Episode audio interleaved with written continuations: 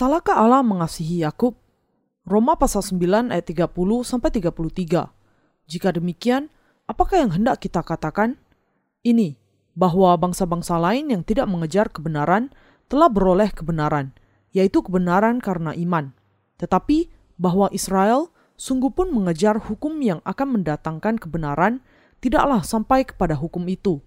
Mengapa tidak? Karena Israel mengejarnya bukan karena iman, tetapi karena perbuatan. Mereka tersandung pada batu sandungan, seperti ada tertulis, Sesungguhnya aku meletakkan di Sion sebuah batu sentuhan dan sebuah batu sandungan, dan siapa yang percaya kepadanya tidak akan dipermalukan. Dalam memanggil kita, Tuhan telah mengatakan, Aku datang bukan untuk memanggil orang benar, melainkan orang berdosa. Matius pasal 9 ayat 13. Kita harus menyadari bahwa mereka yang mengejar kebenarannya sendiri, anugerah keselamatan tidak diberikan kepada mereka. Dan untuk menghindari hal itu, kita justru harus percaya kepada kebenaran Allah. Roma pasal 9 ayat 13 mengatakan bahwa Allah mengasihi Yakub dan membenci Esau. Kepada mereka yang bersyukur atas kebenaran Allah, Allah memberikan anugerah pengampunan dosa dan juga menjadikan mereka umatnya. Kita semua harus percaya kepada Allah dengan pemahaman akan kebenarannya. Kita harus belajar dan memahami firman kebenaran Allah yang diberikan kepada kita. Ketika seseorang ingin diselamatkan dari dosanya, ia harus terlebih dahulu menyadari kekurangan dan kelemahannya dan juga kebenaran Allah. Kita harus mengerti dan percaya kepada kebenarannya. Allah mengatakan bahwa hanya mereka yang tahu kalau dirinya terikat ke neraka saja yang membutuhkan kebenarannya sangat penting untuk mengenal dosa-dosa kita dan menyadari bahwa karena dosa-dosa kita, kita menghadapi murka Allah yang akan membuat penghukuman kita di neraka tidak bisa kita hindari. Tetapi kita menerima di dalam hati kita Injil air dan roh melalui baptisan Yesus, kematiannya di kayu salib dan kebangkitannya. Karena hanya yang mengenal kebenaran Allah yang bisa percaya kepada kebenaran ini. Ini karena anugerah dan kasih Allah bukan sesuatu yang bisa diperoleh dengan doa pertobatan atau hidup kesalehan, seperti yang dilakukan banyak orang beragama. Namun pengampunan dosa diberikan Allah adalah bagi mereka yang meninggikan dan percaya kepada kebenarannya. Kita semua harus siap untuk percaya kepada Injil air dan roh secara sukarela di dalam hati kita. Apakah Anda ingin menerima kebenaran Allah? Kalau demikian, akuilah di hadapan Allah dan dengan hukumnya kelemahan Anda sendiri. Kenali bahwa karena dosa-dosa Anda, Anda ada di bawah murka Allah, dan bahwa Anda membutuhkan kebenarannya. Ketika Anda percaya kepada Injil air dan roh dan menerimanya ke dalam hati Anda, kebenaran Allah akan menjadi milik Anda. Anda harus mengenal kebenaran ini. Pikiran orang yang tidak percaya kebenaran Allah kacau dan terkunci dalam kekosongan Allah mengatakan bahwa pikiran kita memang kacau sejak awal.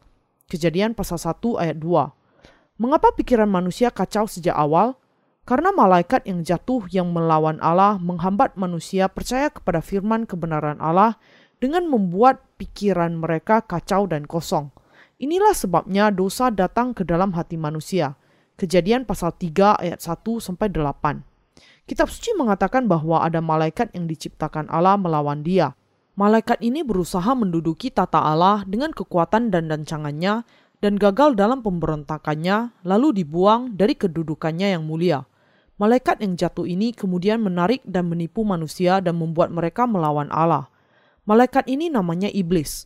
Malaikat yang penuh kesombongan ini masih bekerja baik di dalam kehidupan orang percaya dan juga orang yang tidak percaya dalam segala macam cara yang penuh kesombongan dan pemberontakan. Dengan menipu manusia, ia melawan firman kebenaran Allah dan otoritasnya. Iblis selalu berusaha berdusta sehingga manusia tidak bisa percaya kepada Injil air dan roh. Dengan didustai oleh iblis, banyak usaha yang tidak ada hasilnya berusaha untuk memantapkan kebenarannya sendiri.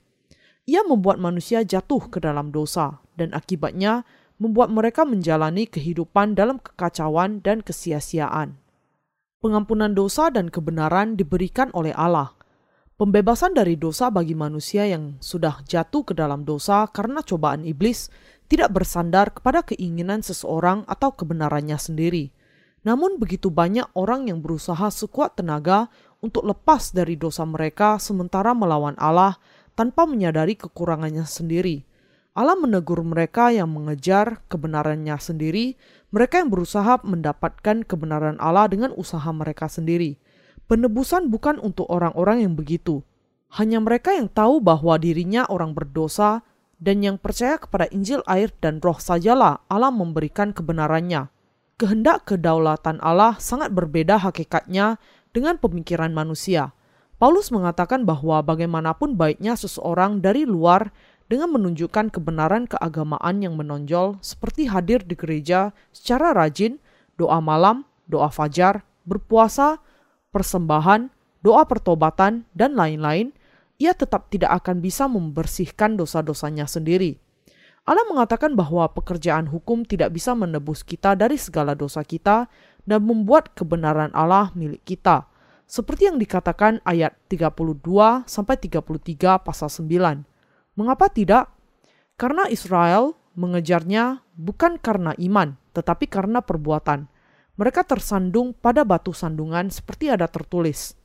Sesungguhnya aku meletakkan di Sion sebuah batu sentuhan dan sebuah batu sandungan, dan siapa yang percaya kepadanya tidak akan dipermalukan.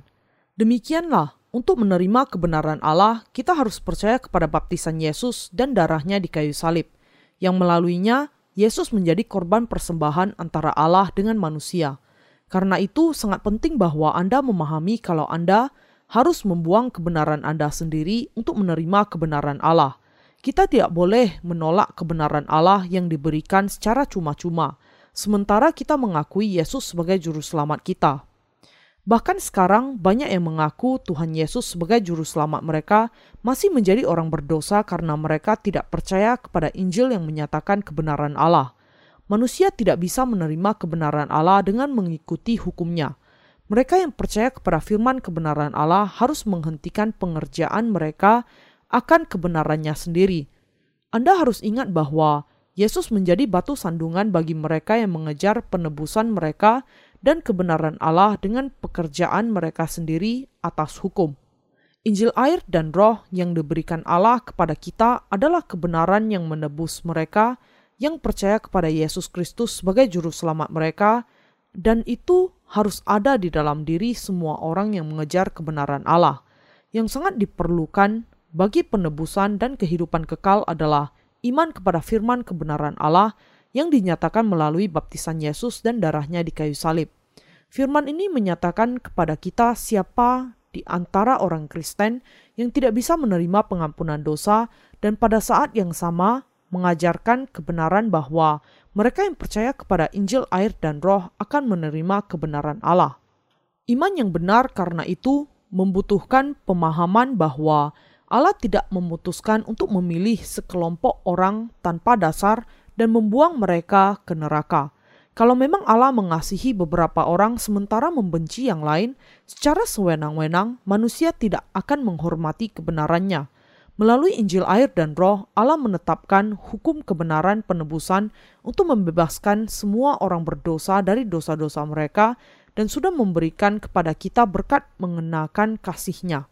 Semua orang harus membuang semua kebenarannya sendiri di hadapan Injil air dan roh yang dikatakan oleh kebenaran Allah. Allah memberikan kebenarannya hanya kepada mereka yang mempercayainya. Allah tidak mengizinkan manusia menyelamatkan diri mereka dari dosa melalui kebenaran mereka sendiri. Tanpa percaya kepada Injil air dan roh sebagai kebenaran Allah, tidak ada orang yang menerima kebenaran ini, meskipun ia mengaku beriman kepada Yesus. Yohanes pasal 3 ayat 1 sampai 8. Baptisan yang diterima Yesus dan darah yang dicurahkannya di kayu salib sudah menjadi kebenaran Allah Inilah sebabnya Yesus menjadi batu sandungan bagi mereka yang mengejar kebenarannya sendiri. Orang yang percaya kepada Yesus karena itu harus sadar dan mengerti bahwa ketika mereka mengejar kebenarannya sendiri, mereka sedang menginjak-injak kebenaran Allah. Tidak ada orang berdosa yang bisa masuk ke dalam gerbang surga tanpa memiliki iman kepada kebenaran Allah. Kita yang percaya kepada Yesus harus menerima pengampunan dari dosa-dosa kita dengan percaya kepada kebenaran Allah. Yesus Kristus yang datang ke bumi ini adalah juru selamat orang berdosa dan kebenaran Allah itu sendiri. Kita harus sungguh-sungguh percaya kepada kebenaran Allah ini. Karena Yesus sudah mengampuni dosa-dosa kita dengan firman-Nya dengan air dan roh. Orang yang percaya kepada Yesus harus percaya kepada baptisan yang diterimanya dari Yohanes dan darahnya di kayu salib sebagai kebenaran Allah.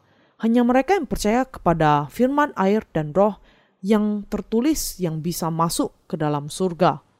Kita dikatakan akan terbagi menjadi bejana murka dan bejana belas kasihan. Tuhan mengatakan, apa gunanya seorang memperoleh seluruh dunia tetapi kehilangan nyawanya? Dan apakah yang dapat diberikannya sebagai ganti nyawanya? Matius pasal 16 ayat 26.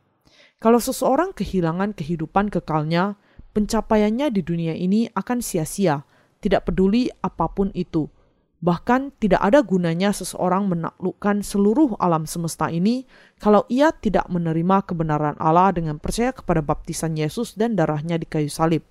Tidak peduli betapa tingginya doktrin teologi seseorang berkembang, hanya dengan percaya kepada Injil air dan roh yang menggenapi kebenaran Allah, seseorang bisa menerima dan percaya kepada kebenaran ini.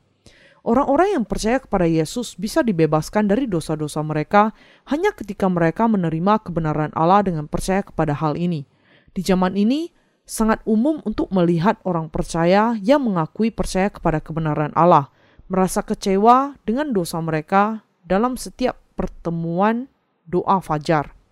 Mereka sebenarnya tidak percaya kepada kebenaran Allah. Kita harus menyadari bahwa iman yang dianut oleh orang-orang yang tidak percaya kepada penebusan di dalam kebenarannya tidak menyenangkan Allah, tetapi membuatnya murka. Karena mereka sudah melawan kebenaran Allah, mereka hanya bisa menjadi musuhnya. Yohanes pasal 3 ayat 5 mengatakan bahwa jika seorang tidak dilahirkan dari air dan roh, ia tidak dapat masuk ke dalam kerajaan Allah. Inilah sebabnya Anda harus menyelesaikan semua masalah dosa Anda dengan percaya kepada Injil air dan roh dan di dalam kebenaran Allah. Injil air dan roh sudah menjadi kebenaran Allah yang bisa memberikan kepada Anda pengampunan dosa dan kebenarannya. Kalau Anda ingin memiliki jenis iman yang akan membenarkan Anda di dalam kebenaran Allah, Anda harus mengikuti dan percaya kepada firman air dan roh yang mengandung kebenaran ini. Anda juga harus menyadari bahwa supaya hati Anda dipenuhi dengan iman kepada kebenaran Allah, Anda perlu membuang kebenaran Anda sendiri. Yang dikatakan Paulus adalah bahwa orang Israel dan juga orang-orang bukan Yahudi harus membuang pengejaran mereka atas kebenaran mereka sendiri kalau mereka ingin menerima kebenaran Allah. Allah memberikan anak kepada Abraham sebagai buah iman kepada kebenaran Allah. Kebenaran Allah muncul di dalam firman air dan roh. Semua orang yang percaya firman kebenaran menjadi orang benar. Ribka, istri Ishak, mengandung anak kembar. Dan sebelum mereka lahir atau melakukan apa-apa, dikatakan bahwa yang tua akan melayani yang muda. Dari bagian ini, beberapa orang menyimpulkan bahwa Allah bukan Allah yang adil dan bahwa ini adalah kesimpulan yang salah. Ini karena Allah sudah tahu iman masa depan Yakub dan Esau, bahkan ketika masih ada di dalam rahim Ribka. Rahasia kebenaran Allah tersembunyi di dalam Injil air dan roh. Karena Esau adalah orang yang membanggakan kebaikannya sendiri, Allah melihat dia tidak memiliki hubungan apa pun dengan kebenarannya. Dan inilah sebabnya Allah membenci Esau. Yakub sebaliknya adalah orang yang percaya kepada kebenaran Allah dan memberikan segala kemuliaan hanya bagi Dia, dan kemudian Allah tidak bisa melakukan yang lain kecuali mengasihi Dia. Bahwa Allah mengasihi Yakub dan membenci Esau dengan demikian adalah keadilan yang didasarkan kepada kebenaran. Allah tidak menyukai orang-orang seperti Esau yang membanggakan kekuatannya sendiri tanpa percaya kepada kebenaran Allah. Tetapi ia berkenan dan mengasihi orang-orang seperti Yakub yang mengenal kelemahannya dan hanya percaya kepada kebenarannya. Manusia sering salah paham akan kebenaran Allah dengan mempertanyakan bagaimana Allah melakukan yang demikian dengan Isa. Mereka berpikir bahwa kalau Allah mengasihi seseorang, sementara membenci yang lain, pasti ada yang salah dengan Allah. Dan mereka mungkin bahkan menolak untuk percaya kepada Yesus karena mereka memikirkan dia sebagai Allah ketidakadilan. Tetapi bagaimana bisa Allah tidak adil? Kalau seseorang berpikir Allah itu tidak adil, ini hanya menunjukkan kenyataan bahwa ia tidak memiliki pemahaman yang benar mengenai kebenaran Allah. Lebih lagi, Sangat tepat kalau dikatakan bahwa mereka dengan tidak percaya kepada kebenaran Allah menutupi kebenarannya dengan kebenaran manusia mereka yang menjadi kesalahan besar di hadapan Allah. Semua orang harus membuang kebenaran mereka di hadapan kebenaran Allah dan percaya kepada firman Injil, air, dan roh. Inilah satu-satunya cara percaya kepada firman penebusan yang mengandung kebenaran Allah, bahwa Allah itu tidak adil, itu hanyalah bayangan manusia sendiri yang muncul karena ketidaktahuan mengenai dalamnya tujuan Allah yang ditetapkan di dalam rencana dan penentuannya. Rencana kebenaran Allah adalah untuk menyatakan kebenarannya di hadapan kita. Karena Allah mengetahui masa depan anak kembar itu, Allah merencanakan sesuai dengan itu di dalam kebenarannya dan menetapkan untuk mengasihi salah satu yang percaya. Kita harus mengerti dan percaya kepada kebenaran Allah di dalam rencananya. Siapa di antara Yakub dan Esau yang dipanggil oleh Allah? Tuhan mengatakan bahwa Ia datang bukan untuk memanggil orang benar, tetapi orang berdosa. Kebenaran Allah, dengan kata lain, memanggil orang-orang seperti Yakub. Mengenai Esau, dia tidak hanya tidak menganggapi panggilan kebenaran Allah, tetapi ia juga membanggakan kebenarannya sendiri. Inilah sebabnya Esau dibenci sementara Yakub menjadi orang yang menjawab panggilan kebenaran Allah. Semua kebenaran Alkitabiah ini harus dimengerti di dalam iman yang mengenal dan percaya kepada kebenaran Allah. Kalau seseorang berusaha menyelesaikan teka-teki mengenai penentuan Allah tanpa pemahaman yang benar akan kasih kebenaran Allah, ia akan jatuh ke dalam perangkap yang dibuatnya sendiri, yang membawanya kepada kebinasaan. Allah menetapkan penentuan untuk menyatakan kasih kebenarannya. Yakub adalah orang yang mengenal kekurangannya ini dan percaya kepada firman kebenaran Allah. Bahwa Allah mengasihi Yakub sementara ia membenci Esau itu memang adil. Di dalam pandangan Allah, semua orang layak menerima murkanya, tetapi ia menyediakan penebusannya untuk semua yang percaya kepada kebenarannya.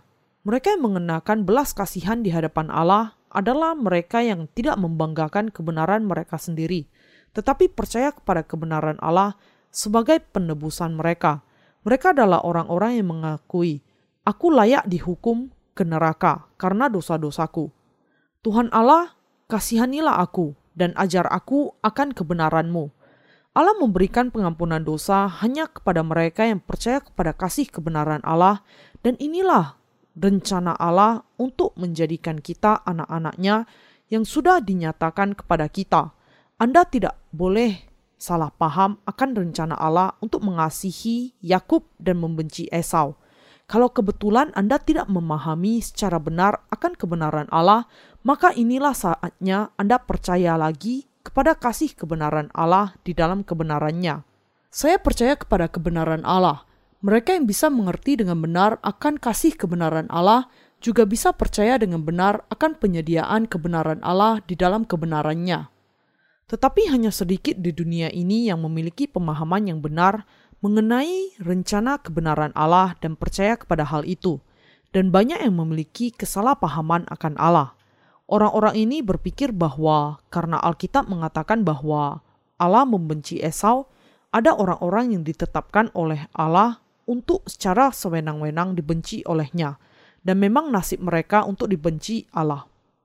Allah adalah hakim yang benar dan adil di dalam kebenarannya Allah ingin memberikan kepada kita masing-masing anugerah belas kasihan dan kasih kebenarannya. Allah ingin memberikan kepada kita kebenarannya melalui Yesus Kristus dan ia mengenakan kepada mereka yang percaya kepada kebenarannya di dalam belas kasihannya dan menjadikan mereka anak-anaknya. Kebenaran ini dinyatakan di dalam perjanjian baru dalam Matius pasal 9 ayat 12 sampai 13, di mana Yesus mengatakan, "Bukan orang sehat yang memerlukan tabib, tetapi orang sakit. Jadi pergilah dan pelajarilah arti firman ini. Yang ku kehendaki ialah belas kasihan dan bukan persembahan, karena aku datang bukan untuk memanggil orang benar, melainkan orang berdosa. Mereka yang sehat tidak membutuhkan tabib, dan bahkan mungkin menganggap mereka mengganggu. Sama seperti orang tidak menyadari pentingnya tabib kalau mereka sedang sehat mereka juga tidak menyadari pentingnya menerima kebenaran Allah ke dalam hati mereka dengan mempercayainya.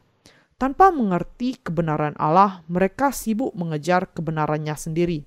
Tetapi orang-orang berdosa harus membuang kebenarannya sendiri dan percaya kepada kebenaran Allah. Anda bisa menjadi Esau atau Yakub di hadapan Allah. Anda ingin menjadi seperti siapa? Pahala dan penghukuman Allah akan tergantung kepada keputusan Anda apakah mau percaya kepada penebusan kebenaran Allah atau tidak. Tidak ada yang salah dengan Allah.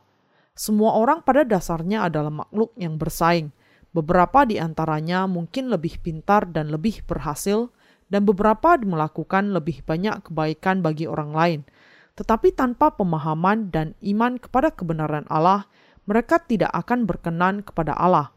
Semua orang, Anda dan saya, bahkan orang Israel, dikutuk untuk masuk neraka di hadapan Allah. Namun demikian, kita sudah dibenarkan, bukan oleh usaha kita sendiri, pekerjaan, atau kekuatan, tetapi hanya oleh iman kepada kebenaran Allah saja. Karena Allah sudah tanpa pilih kasih dan adil memberikan kepada semua manusia kasih kebenarannya, semua yang percaya kepada hal ini bisa dibebaskan dari segala dosa mereka. Allah bukan Allah yang tidak adil seperti yang mungkin Anda pikirkan. Apakah seseorang menerima berkat penebusan Allah atau tidak tergantung kepada keputusannya menerima atau menolaknya. Inilah sebabnya beberapa orang telah menjadi bejana murka sementara beberapa yang lain menjadi bejana belas kasihan. Yakub lebih jelasnya menjadi bejana belas kasihan, sementara Esau menjadi bejana murka. Tetapi beberapa teolog yang tidak menerima Roh Kudus sering meremehkan Allah. Mereka berkata, "Lihat, tidakkah Allah yang membuat Firaun menjadi bejana murka? Perhatikan Yakub dan Esau. Perhatikan Ribka. Perhatikan apa yang dilakukan penjenun itu."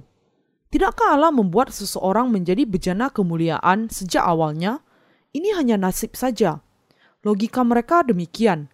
Beberapa orang sudah dipilih menjadi anak-anak Allah bahkan sebelum ia lahir dan orang-orang yang demikian ditentukan dan dipilih untuk mengenakan kasih Allah dan menjadi anak-anaknya, sementara yang lainnya ditentukan untuk masuk neraka. Demikianlah pemilihan oleh Allah diserang. Tetapi Allah memberikan kebenarannya kepada semua manusia, dan ia tanpa belas kasihan memilih mereka yang mempercayainya. Kita dibenarkan dengan percaya kepada kebenaran Allah, ketika nyatanya kita bukanlah umatnya sebelumnya. Allah bisa menerima iman kita karena kita dibenarkan dengan percaya kepada Injil air dan roh melalui sabdanya. Inilah kebenaran Injil yang menunjukkan kuasa Allah yang ajaib. Sebenarnya kita tidak memiliki Allah di dalam diri kita, dan semua berdosa, tetapi dengan percaya kepada kebenaran Allah, kita menjadi umatnya. Injil air dan roh yang kepadanya kita percaya bukan Injil yang tidak lengkap, tetapi Injil yang lengkap dan sempurna. Kita harus memuji Allah karena memberikan kebenaran kepada kita yang dengannya kita bisa menerima kebenarannya. Hidup kita mungkin penuh masalah, tetapi jangan pernah lupa akan kebenaran Allah karena Allah sudah mengajarkan kepada kita keajaiban kuasanya. Orang yang paling berbahagia di dunia ini adalah orang yang mengenal kebenaran Allah. Kepada mereka yang percaya kepada Allah, Allah Tritunggal menjadi Bapa yang penuh belas kasihan. Ia juga Allah kudus kita. Ia menaruh iman kepada kebenaran Allah di dalam jiwa mereka yang mempercayainya. Kita menjadi anak-anak Allah dan penerima anugerah dan berkatnya dengan mengenal dan percaya kepada kebenarannya namun banyak orang masih dikuasai oleh dorongan untuk melakukan perbuatan baik, memberi persembahan, melayani secara sukarela di gereja, memberi sumbangan yang besar kepada gereja untuk bersaing dengan orang lain. Mungkin Anda mengira semua itu perbuatan baik, tetapi semuanya tidak bisa dan tidak akan menyelamatkan Anda. Memusatkan diri kepada pekerjaan itu saja tidak menandakan adanya iman Anda kepada kebenaran Allah, tetapi tanda bahwa Anda mengejar kebenaran Anda sendiri. Mereka yang dikuasai oleh dorongan untuk berusaha dengan daging sendiri adalah sedang melawan Allah. Mereka yang tidak mengenal kebenaran Allah adalah orang-orang yang dikuasai dengan hal-hal kedagingan yang demikian. Kitab suci mengatakan kepada kita bahwa keselamatan Allah tidak diberikan kepada mereka yang mengejarnya, tetapi hanya kepada mereka yang percaya kepada kebenarannya. Kebenaran ini hanya bisa diterima dengan percaya kepada Allah kita yang penuh belas kasihan. Bukan pekerjaan kita yang membuat kita dikasihi Allah, tetapi hanya dengan percaya kepada kebenarannya kita menerima kasih yang penuh belas kasihannya. Inilah sebabnya iman yang benar tergantung sepenuhnya kepada apakah kita mengenal dan percaya kepada kebenaran Allah atau tidak. Tidakkah kita memang tidak berguna sejak awal? Tetapi kemudian bukankah karena iman kita kepada kebenaran Allah, kita menjadi sangat terhormat kita bisa menerima iman kita sampai akhir dengan percaya kepada kebenaran Allah dan bermegah kepada kenyataan bahwa kita sekarang sudah menjadi anak-anak Allah. Banyak orang di dunia ini yang melakukan kejahatan dan mengatakan kalau tidak ada Allah, tetapi Allah berbelas kasihan kepada kita karena kita percaya kepada kebenarannya. Kita sungguh-sungguh terhormat di hadapan Allah, dan kemegahan kita akan Allah memang layak. Kita mungkin menghadapi banyak cobaan dan kesengsaraan sementara ada di dunia ini, tetapi kita semua secara rohani kaya dan berbahagia. Kita harus mengikuti kebenaran Allah dan memuliakan Yesus. Allah membuat semua orang berdosa menjadi anak-anaknya tidak berdosa, benar dan sempurna di hadapan Allah. Kita harus menyadari kepada siapa kebenaran Allah datang. Kebenaran Allah ini sudah menutupi semua kekurangan kita dan membersihkan semua dosa-dosa kesalahan kita. Apakah kita percaya kepada kebenaran ini atau tidak sepenuhnya tergantung kepada Anda. Anda juga sudah diselamatkan secara sempurna dari dosa-dosa Anda dengan kebenaran Allah. Apakah kemudian yang akan Anda lakukan?